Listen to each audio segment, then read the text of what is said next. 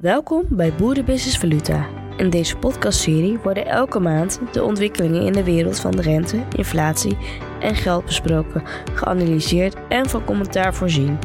Presentator Erik de Leijster gaat in gesprek met Joost Derks, valuta-expert bij Iwan First. Ja Joost, daar zijn we weer. Voor de laatste keer dit jaar. Van harte welkom. Dank u.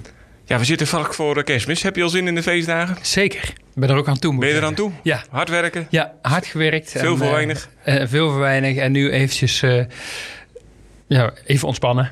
Ja. Ja, ja dat, dat vroeg me natuurlijk al af. Ja, hoe ziet kerstmis en eh, de oud en nieuw, maar met name kerstmis er in Huizen Derks uit? Nou, wij gaan eh, eigenlijk bijna altijd skiën met kerstmis. Skiën met kerstmis? Het is geen uh, geen Nee, fondue, geen, eh, gourmet, eh, de, Geen gedoe in de keuken. geen gedoe in de keuken. Geen ruzie in de keuken. Dus Wel samen dat, kerstliedjes zingen? Of? eh, nou, ik kan niet zo goed zingen. Oké, ook dat niet. dus nu ook weer eh, skiën in, eh, met kerst. Ja, er ligt genoeg sneeuw. Kijk, dat is mooi. Dat is goed vooruit. Dat is wel mooi voor Sowieso de- een witte kerst. Ja, ik wou net zeggen, wel mooi voor het echte kerstbeeld. Ja. Eh, maar in, in, eh, in Oostenrijk, Zwitserland, Frankrijk, ik weet ja, niet wat dat Oostenrijk. Ja. Eh, serveren ze daar ook een grote Argentijnse steaks? En dat denk ik niet. Dus ik denk eerder schnitzels. Is niet zo. de ouderwetse Wien is niet zo. Gewoon echte Wiener schnitzel. eh, ja. Ja, ja, want ik wil natuurlijk een mooi bruggetje maken naar Argentinië toe. Daar is de, de rechtse president Javier Milei aan, aan de macht gekomen. En hij besloot deze week tot een devaluatie van de peso met maar liefst 54 procent. Ja. Eh, vooral bedoeld om eh, de export van, eh, export van met name landbouwproducten, ook vlees, te bevorderen. Ja. Ook de gereguleerde valutahandel werd daarbij opgegeven. Dus dat heeft nog wel aardig wat impact daar in Argentinië. Is dat, is dat ook een verstandige zet wat hij doet? Nou ja, uit- uiteindelijk is het dus een van de maatregelen die hij gaat nemen. En alleen maar het devalueren van je valuta, ja, dan schiet je eigenlijk ook niet, nog niet alles meer op. Maar het is met name de, eh, hoe heet dat, de uitgaven van de overheid, ja, die moeten fors teruggedrongen worden. Want ze hebben altijd veel te veel uitgegeven, meer uitgegeven dan dat erin kwam. En eh, natuurlijk is zo'n devaluatie van zo'n valuta onderdeel van zo'n pakket. Maar het is niet de, e- eh, de heilige graal. Het is, wat je daarmee wel realiseert, is dat eh, je exportpositie natuurlijk een stuk beter wordt. Hè, ze heeft voordelen, maar ze heeft ook echt wel een paar nadelen aan. Omdat je valuta eigenlijk eh gehalveerd, hè, dus die, die wordt enorm verzwakt. Dat betekent ook dat alle import veel duurder wordt. Nou was dat eigenlijk al zo, want heel veel werd via dollars verhandeld of eh, via een eh, niet-officiële koers Ja. die ook rond deze koers, de- rond de huidige koers ligt. Maar in principe is het zo dat devaluatie is goed voor je exportpositie. Maar het risico op geïmporteerde inflatie, als je heel veel goederen eh, of diensten die je echt nodig hebt, moet importeren, ja. dan worden ze wel twee keer zo duur nu. Dus dan moet de handelsbalans van Argentinië echt wel exportgericht zijn wat dat Ja. betreft. hè. Ja, dus je moet echt, echt op export gaan richten en eh, zorgen dat je je huishoudboekje als overheid zijnde op orde gaat krijgen. En niet de gaten eh, vullen door de printer aan te zetten. Want dat is eigenlijk in het verleden altijd gebeurd. Ja, want nu, eh want je noemt het, wordt al duur, maar voor die inwoners in het land wordt dat dan zelf ook opeens heel veel duurder, eh, lijkt mij. Ja, Maar, eh, Kijk, maar kan, dit- kan een land op zo'n wijze echt schoon schip maken? Of is het een beetje te wijlen met de kraan open? Wat het zal, het zal even duren. Ehm, eh, b- er is een kans dat het lukt. maar er is absoluut geen garantie dat het lukt. Ja. En ook de, de inwoners van Argentinië gaan gewoon even door een hele, een hele vervelende tijd heen. Want hun geld is gewoon de helft minder waard geworden. Dus plus alle bezuinigingen die erop eh, op ze afkomen. Dus dat wordt... eh, nee, ze zullen echt eh, de broekriem aan moeten trekken... en volle bak moeten gaan proberen de goederen die ze hebben... en kunnen produceren, om die te gaan exporteren. Dus die Argentijnse steek wordt wat dat betreft nog duurder. Ja, ze had ook hyperinflatie van 143% zelf, hè, zag ik in Ja. Oktober. Ja, maar, da- maar dat, was, ook- dat is niet meer houdbaar. Op een gegeven moment gaat dat, is dat niet te doen. En dat, eh, nou goed, prima dat ze daar nu ook echt serieuze maatregelen gaan eh, nemen. Want dat is ook echt wel nodig. Want je kan daar niet mee door blijven gaan. Op een gegeven moment gewoon, ja, krijg je van helemaal niemand meer geld. Ja. Ehm, het IMF heeft natuurlijk nog wel ehm, eh, leningen uitstaan en, bij Argentinië. Maar goed, en dat is de andere keerzijde. Als je valuta devalueert, worden je schulden Ook hoger. hè. groter. Hè, dus de, de, de, de terugbetaal of terugverdienken of nee, de terugbetaalcapaciteit, die daalt daarmee ook. Dus eigenlijk eh, leunt hij wel heel erg op succes van, eh, van de export. Ja, wat dat betreft. dat, eh. moet, dat, dat is eigenlijk, eh, je probeert je uit de export ehm, te, ja, hoe noem je dat? Uh, uit de problemen te exporteren. Ja, dat is wat ik problemen. zeggen. Ja, dus dat begon verkeerd. hè.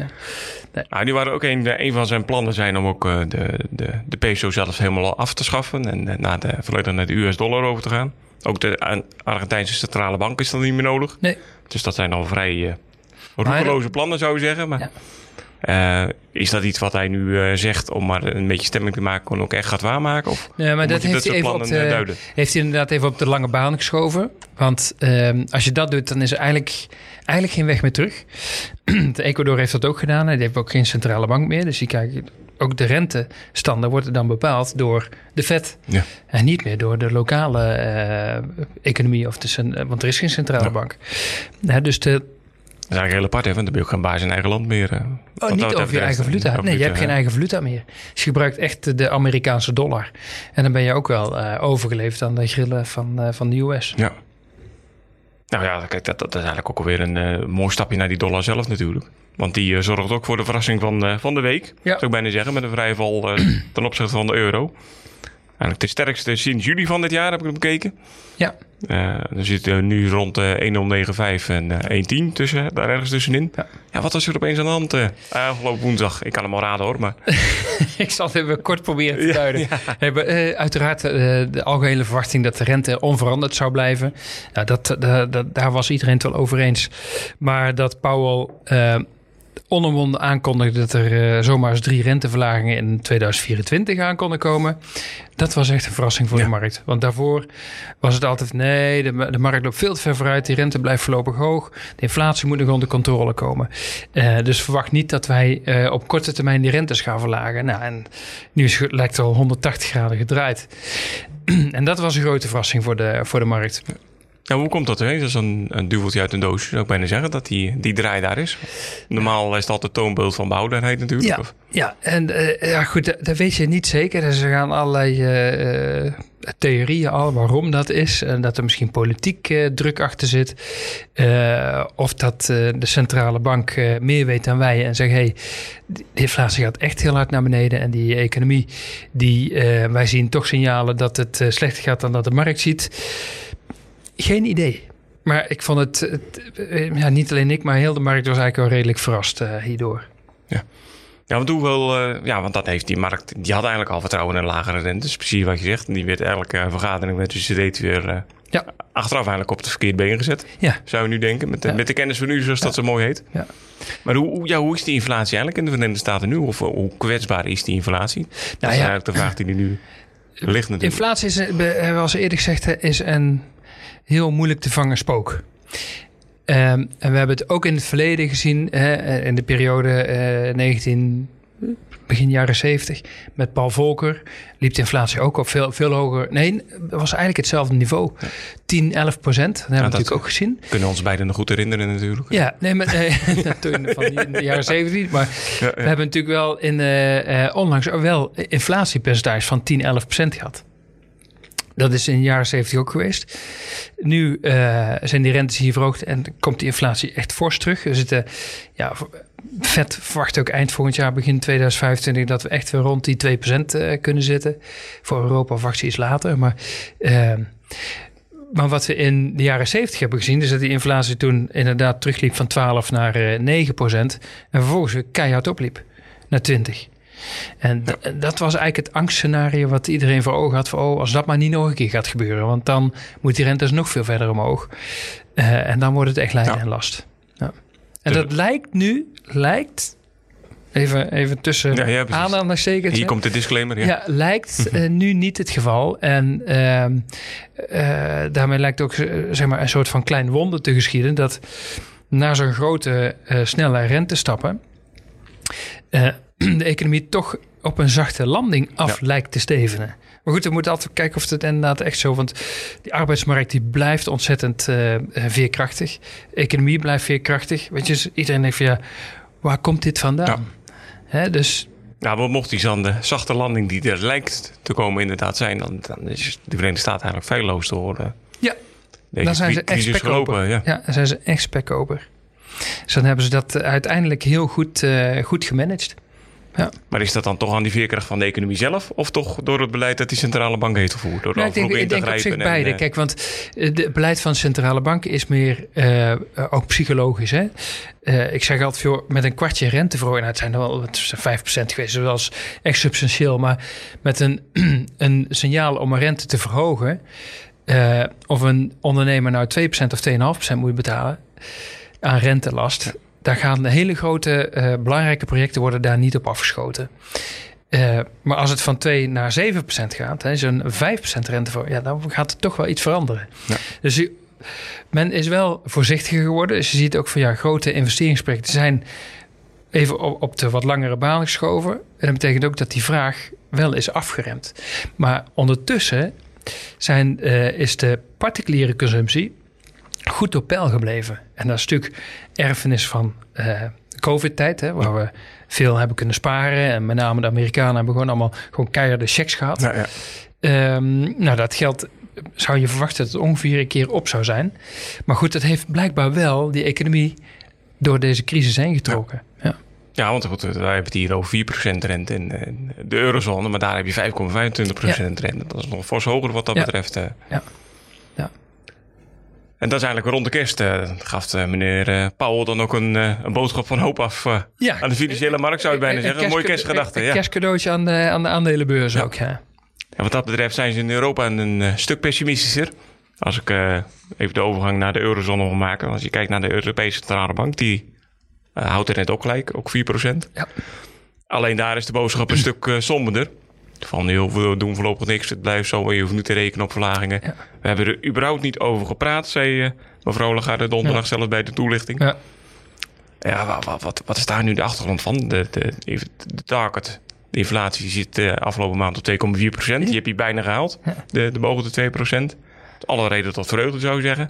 Uh, waarom toch dat pessimisme? Misschien omdat ze ziek was. Ik weet het niet. Want ze zat natuurlijk met een maskertje voor en de snotteren. En, uh, Herstellende van de COVID-besmetting uh, inderdaad. Zat, ja.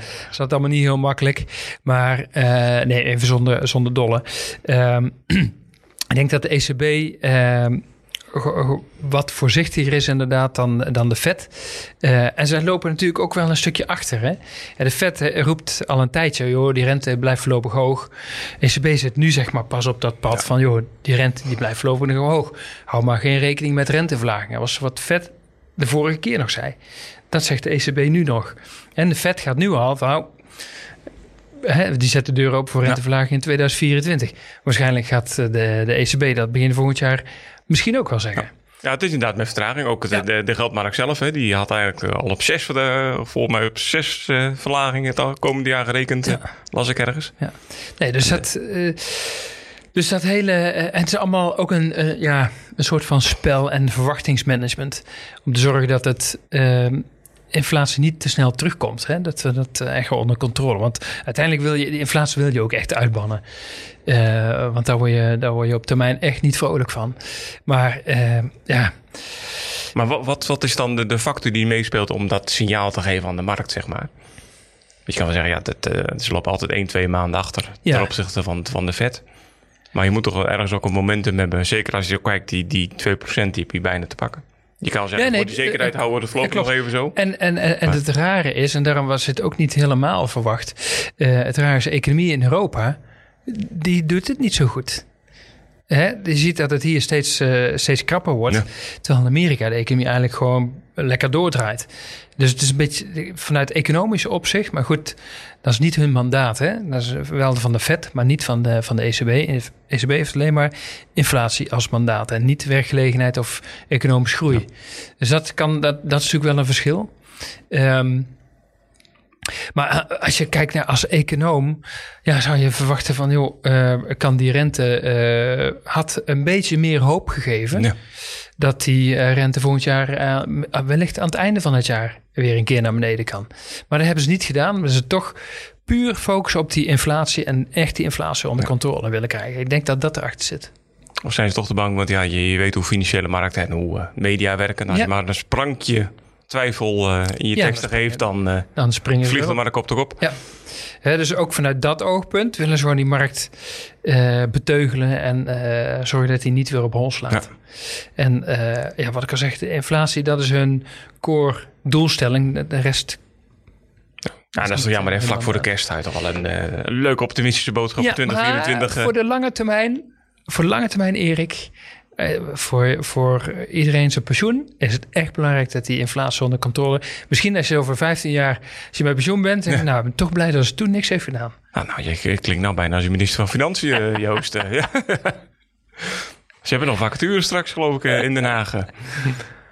Ja, maar als je kijkt, de, de, die deposito-rente, de ECB-rente, is eh, de, het afgelopen jaar stapsgewijs van 2,5 naar 4% gestegen. Nou, ook op recordhoogte volgens mij. Eh, en formeel zit het nog steeds in een, een bescheiden recessie. Ja, hoe, je zei het net al, de, economie eh, werkt erg stroperig in die eurozo- eurozone. Wat, merk je daar nu zelf van in dat ondernemersklimaat bij- bij de, de ondernemers die jij spreekt? Nou, dat, ehm, eh, dat er over bij veel bedrijven nog behoorlijk wat voorraden zitten. ehm, die ze eerst kwijt willen. Dus voordat ze nieuwe spullen gaan bestellen, willen ze eerst die voorraad weer eh, tot een bepaald niveau afbouwen. Voordat ze weer opnieuw gaan eh, investeren of gaan, de, eh, gaan produceren. Dus dat zie je wel. En nou, wat je ook in de kranten leest, hè, dus dat er steeds meer bedrijven gaan reorganiseren. Friesland Campina bijvoorbeeld ook Ja. weer, ook weer eh, 1800 banen op de tocht. Dat zijn wel tekenen dat het gewoon in het, over de, en voor het algemeen gewoon even wat minder gaat eh, in de economie op dit moment. Maar je gaf net aan, de, de, de kleine rentestappen, dat helpt eigenlijk niet zoveel. Eh, maar kleine rentestappen gepaard met zo'n boodschap, eh, is dat voor de ko- korte termijn wel echt een, een stimulans? Of Nou, je is kijkt, dat toch echt lange termijn effect wat je daarin moet het zien? is, de, de boodschap nu was, de, we hebben niet gesproken over renteverlaging. Eh, maar als je kijkt naar de markt, hè, het markt en de boodschap zijn twee verschillende dingen. Het is maar de vraag in hoeverre de markt dit gelooft van de ECB. Zeker ook omdat je kijkt van, hé, hey, wat gebeurt er aan de andere kant van de oceaan in, in Amerika? Eh, een maand, of anderhalve maand geleden zei de Fed precies hetzelfde. Markt, jullie hoeven niet te rekenen, Ja. jullie lopen veel te ver vooruit. En nu geeft hij gewoon drie renteverhogingen of renteverlagingen voor eh, komend jaar. Eh, dus, en je ziet dat ook eigenlijk in die ontwikkeling van de, ah, van de rentes, maar ook van de, van de euro-dollar-koers bijvoorbeeld.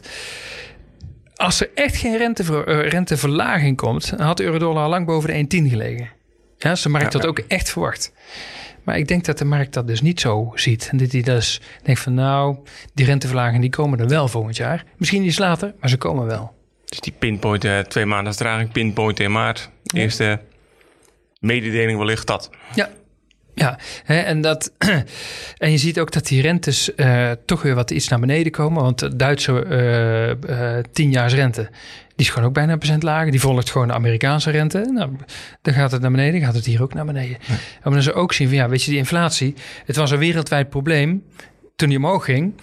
En nu zie je toch ook dat overal die inflatie weer terug, terugloopt. Ja. Dus de markt gelooft eigenlijk niet zo ehm, eh, de, de, de, ja, de bewoordingen van de, van de ECB van gisteren. Zo, want de geloofwaardigheid van die bankdirecteuren, die staan allemaal flink onder druk als je dat zo bekijkt. Hè. Ja, Als je ook bij Powell ook ziet. ik hoorde dat die eh, de notulen van de... Want er was ook eh, notulen van de centrale bank. Want ze zijn heel transparant en doorzichtig. Maar die worden pas over 30 jaar ongecensureerd openbaar gemaakt. Ze moeten even wachten om te horen wat er echt is besproken toen. Ja, nou, dan moet, tegen die tijd moeten we nog hopen dat wij die kunnen lezen. Ja, inderdaad. Ja. Hey, pakken we even, als we toch een bankdirecteur hebben, de, de Bank of England erbij. Eh, die, die rente die blijft daar ook, eh, net de Verenigde Staten op 5,25% eh, onveranderd. Ook dat lag in de lijn der verwachtingen. Eh, maar daar is, eh, net als de afgelopen keren, geen unaniem besluit. Het, het, het is altijd bij meerderheid wordt die, wordt die stemming gedaan. Ja. Ja. hoe, hoe ligt die stemming, dan- ja, hoe is de stemming in Engeland zelf? Ja, die hinken denk ik echt al op twee gedachten. Enerzijds is, natuurlijk komt die inflatie daar ook naar beneden, maar die is echt nog niet in de buurt van die 2%. Engeland ligt hier echt nog hoger.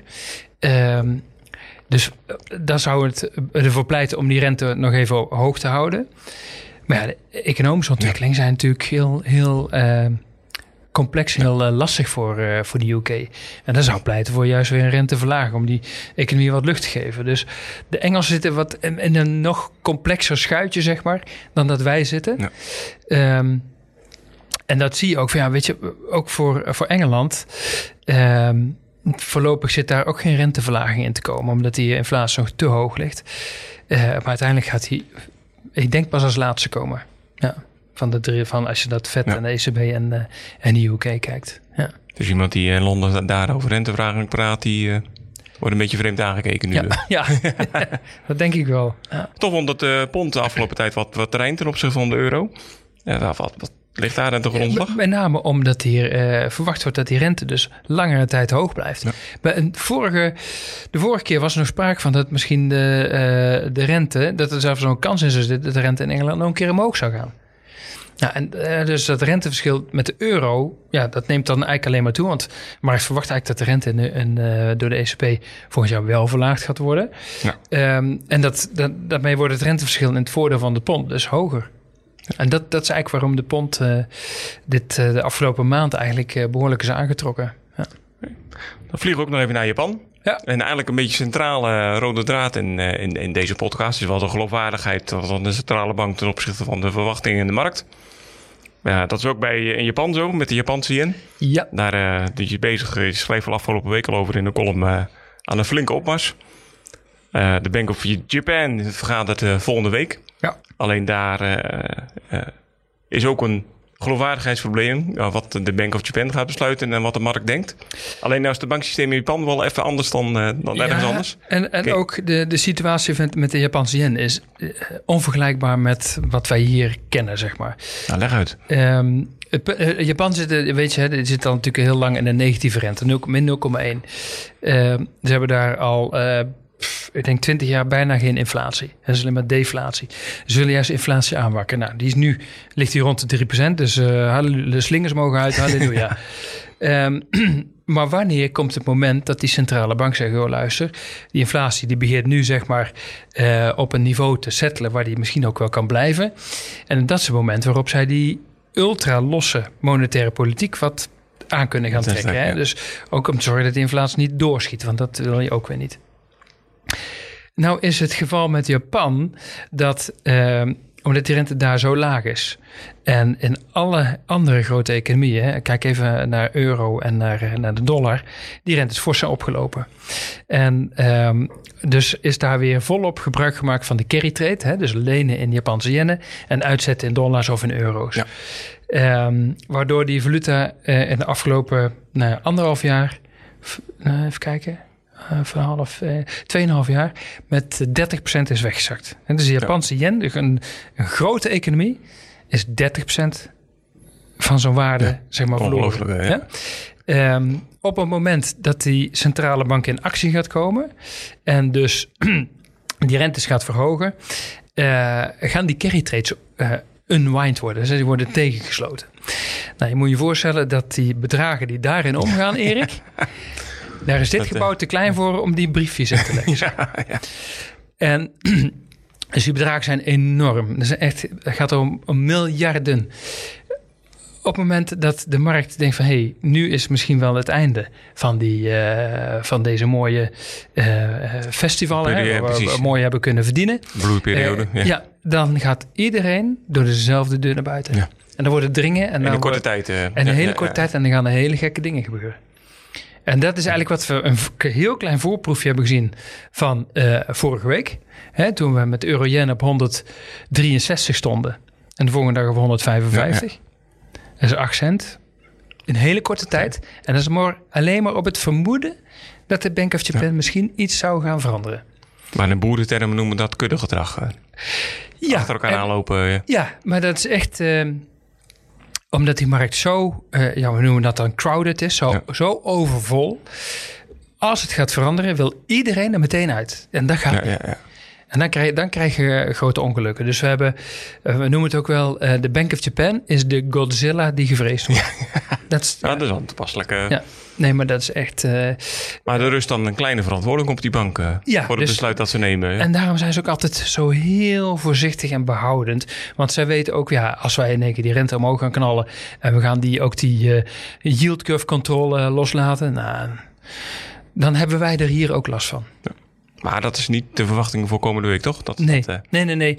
Bank of is heel verstandig. Ja, ja. Dus die gaan dat uh, rustig uh, loslaten en heel voorzichtig geleidelijk managen. maar, maar welke ziet... boodschap kunnen ze dan uitzenden zonder dat de markt in de, in de stress schiet? Ja, en iedereen door die eruit wil? ik denk dat zij aangeven, joh, luister, over zes maanden eh, kunnen we mogelijk dit gaan doen over een jaar dat. Het is al een geleidelijk pad uit, uitstippelen van, joh, luister, markt, dit is wat je ongeveer zou kunnen gaan verwachten. Gewoon puur managen van die verwachtingen, maar niet op korte termijn al grote stappen. Dan wordt, dan, dan wordt een drama. Ja. ja. En ja, betekenen die stappen zelf mogelijk voor de economie zelf ook? In Japan zelf? Nee, want eh, wat ik al zei, die... Um, het feit is werkelijk de omgekeerde wereld als, uh, ja, maar, als hier natuurlijk. Uh, Inflatie aanjagen. Ja, je hebt, als de rente van min 0,1 naar plus 0,3 gaat... Ja. Voor een bedrijf maakt dat puur voor je businessmodel heeft dat nauwelijks impact. Als het naar 5% gaat, dan weer wel, weet je. Maar dat gaat niet gebeuren daar. Maar, dus Japan is echt een heel apart verhaal. Ja, want ook hè, met die carry trades, die zijn natuurlijk geïnvesteerd in Europa en in, eh, in Amerika. Als dat verkocht gaat worden, omdat het posities tegengesloten worden, kan het ook een heel grote impact hebben op de beurskoersen bijvoorbeeld. Want er worden gewoon aandelen verkocht. Ja, als het daarin is belegd. Je weet niet waar het in zit. Maar dat, dus daarom, Japan is echt wel een apart, uh, apart hoofdstuk. Ja. Nou, eens even kijken hoe het afloopt volgende week. Ja, Um, ja, we hebben er al de nodige munten gehad. Uh, natuurlijk een beetje de wereld overgevlogen. Is er nog meer iets uh, op de valutemarkt of op de financiële markten waar we nou, de schuin ogen in de gaten moeten houden? We hebben nog uh, de Noorse centrale bank. Die heeft de rente onverwachts met een kwartje verhoogd. Nou ja, dat heeft de Noorse kroon eindelijk een beetje lucht gegeven. Ja. En ze herstelde weer wat, want die heeft natuurlijk ook behoorlijk, behoorlijk ja, uh, afgewaardeerd of, of gedeprecieerd, zoals ze dat dan noemen. Dus, niet, niet verkeerd als je daar op vakantie gaat natuurlijk. Maar. Nee, nee, het is, het is, het is geen heel goedkoop land. nee, nee. Dus dan helpt een zwakkere valuta, helpt zeker. Maar uh, nee, dus daar is rente met een kwartje omhoog gegaan nog. En dat is echt puur, uh, want meestal uh, geef je aan, joh, de, de renteverhoging heb eigenlijk geen, uh, dan wordt niet gekeken naar de valutemarkten, maar dat heeft echt onderliggende redenen. Ja. Heb je daar in, in Noorwegen als olievaluta echt wel naar gekeken? Of? Nou, in, in, um, in zoverre, kijk, de centrale bank heeft natuurlijk om die inflatie toch weer onder, uh, onder controle te krijgen. Die kijken niet zozeer naar de oliemarkten. En die kijken ook niet zozeer, denk ik, naar de valutamarkt. Maar het heeft wel impact weer op de valutamarkt. Maar het is met, met name echt om de inflatie onder controle te krijgen. Ja. ja. Helder. Nou ja, tot slot, we gaan richting 2024. We hebben het erover gehad. Ja, dan komt natuurlijk het meest voor de hand liggende vraag, Joost. Ja, wat wens je de deelnemers op de financiële markten en uiteraard ook in onze branche, uh, onze branche de food- en agribusiness? Nou, wat, uh, wat, wat wens jij toe? Wat ik iedereen toewens is uh, niet te grote volatiliteit. Want als de koers heel bewegelijk worden, dan komt er heel veel onzekerheid in die markt. En je kan geluk hebben, maar je kan ook heel veel pech hebben. Dus eigenlijk hoop ik dat die markten zich relatief rustig gedragen. Dat is eigenlijk ook voor ondernemers, voor het het aanpassingsvermogen is het beste. Want ik zeg altijd, als een koers van bijvoorbeeld euro-dollar van 1,10 naar 1 gaat... Ja, en je moet dollars kopen, dan heb je een probleem als je niet bent afgedekt. En dan moet je dus je... En stel, je bent voor het komend jaar wel afgedekt. Het volgend jaar zit je weer met het, heb je dat probleem ook weer, hè, als, die, als die koers daar blijft liggen. Dus grote veranderingen zorgen ervoor dat jij je bedrijfsmodel of nu weer iets moet aanpassen. En hoe groter die aanpassingen moeten zijn, hoe complexer dat gaat worden. Dus het is maar te hopen dat, het niet, uh, dat we niet grote schommelingen krijgen. Ja, maar dat is toch heel aardig van je, Joost. Maar jullie verdienmodel, uh, jullie zijn valuta te dus jullie leveren toch bij schommelingen in de markt. Hè? Klopt, dus uh, ik zeg al, ik wens dit iedereen toe. ja. Maar ik weet niet of het gaat gebeuren. ja, ja, precies. Dat is altijd weer de, de grote vraag. Dus die onzekerheid die blijft. Nou, het mooie is dat we dat in het komende jaar ook weer met elkaar gaan bespreken. Ja. Uh, dank voor dit gesprek, Joost. En ik wens jou uiteraard en ook de luisteraars sowieso een uh, zeer fijne feestdagen toe. En een zeer voorspoedig en gezonde 2024.